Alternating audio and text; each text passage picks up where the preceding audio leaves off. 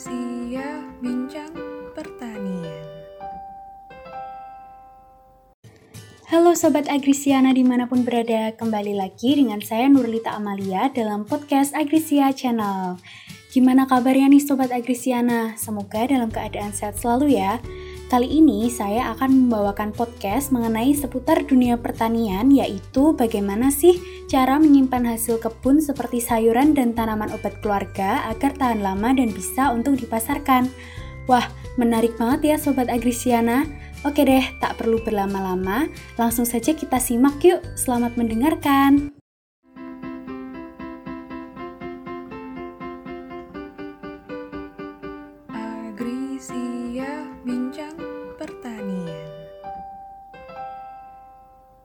Pada kondisi pandemi COVID-19 seperti saat ini, beberapa upaya dilakukan untuk pencegahan penyakit.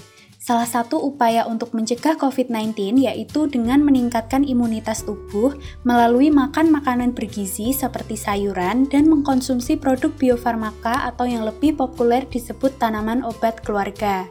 Nah, pastinya Sobat Agrisiana sudah menanam sayur di kebun rumah bukan? Sayuran merupakan produk pertanian yang mudah busuk.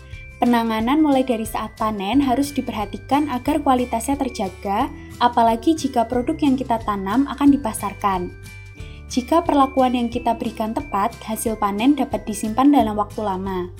Nah, berikut merupakan cara penyimpanan hasil panen sayuran dan tanaman toga agar bertahan lama. Yang pertama, panen segera jika sudah memasuki usia panen. Penentuan waktu panen yang tepat menjadi langkah awal dalam memperoleh kualitas hasil panen yang baik, terlebih jika kita menanam sayuran sendiri di rumah. Terdapat beberapa tanda sayuran yang siap dipanen. Sayuran siap panen memiliki ukuran yang besar, warna yang segar, dan buah mudah terlepas dari tangkainya. Jika ingin mengetahui waktu panen yang tepat, kita dapat menghitung jumlah hari setelah tanaman berbunga. Yang kedua, pastikan kondisi hasil panen bersih. Pembersihan dapat dilakukan dengan cara mencuci dengan air, perempelan, atau mengelap dengan kain yang bersih, kering, dan juga lembut. Usahakan sayuran bersih dari kotoran, sisa tanaman, dan getah. Selain membuat hasil panen bernilai jual tinggi, pembersihan juga dilakukan untuk mencegah sayuran busuk akibat masih adanya hama ataupun penyakit. Setelah pembersihan dilakukan, Pencucian dibutuhkan sebagai pre-cooling untuk mengatasi kelebihan panas yang dikeluarkan sayuran pada saat proses pemanenan. Dengan demikian, sayuran dapat disimpan dalam waktu yang lama. Sedangkan untuk tanaman toga, setelah dilakukan pencucian, dilakukan perajangan. Dilansir dari Badan Litbang Pertanian Go ID, perajangan dilakukan apabila bahan rimpang akan diolah menjadi simplisia Perajangan dilakukan menggunakan pisau atau alat perajang mekanis. Ketebalan irisan setiap rimpang berbeda-beda. Untuk jahe 6-7 mm, temulawak 7-8 mm, kunyit kencur 3-5 mm. Bentuk irisan untuk jahe membujur karena pada rimpang jahe mengandung serat, sedangkan untuk temulawak dan kunyit dapat diiris melintang maupun membujur. Yang ketiga, keringkan hasil panenmu. Setelah dibersihkan dan dicuci, pastikan hasil panen dalam keadaan kering sebelum dilakukan penyimpanan. Pengeringan bertujuan untuk mengurangi kadar air sehingga dapat mencegah pembusukan yang disebabkan oleh jamur atau bakteri agar dapat disimpan dalam waktu yang cukup lama. Sayuran yang basah akan cepat rusak dan membusuk karena kandungan air yang terlalu berlebihan. Oleh karena itu, setelah sayuran dikeringkan, bisa dilakukan pengemasan agar sayuran dapat disimpan lebih lama. Pengemasan dapat menjaga kebersihan dan suhu sehingga mencegah sayuran menjadi rusak. Kemasan yang bisa digunakan antara lain karton atau box, kotak kayu, keranjang bambu, keranjang plastik, jaring, dan juga kantong plastik. Perhatikan pula sirkulasi udara di dalam kemasan. Jika sayuran dikemas menggunakan kantong plastik, usahakan untuk memberi lubang kecil. Lubang pada kemasan memungkinkan uap sayuran dapat keluar ke udara dan tidak menyebabkan pembusukan di dalam kemasan. Sedangkan untuk hasil tanaman toga, pengeringan dapat menggunakan sinar matahari, oven atau blower pada suhu 50-60 derajat Celcius. Untuk pengeringan yang menggunakan sinar matahari, rajangan rimpang ditutup menggunakan kain hitam.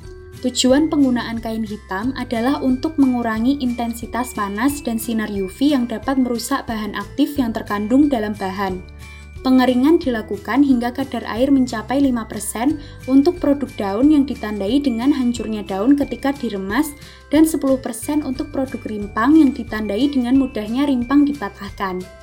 Yang terakhir, simpan di tempat yang benar. Sayuran dapat disimpan di luar maupun di dalam ruang berpendingin. Suhu dan kelembapan di dalam ruang berpendingin dapat menjaga kesegaran sayuran dalam waktu yang lebih lama.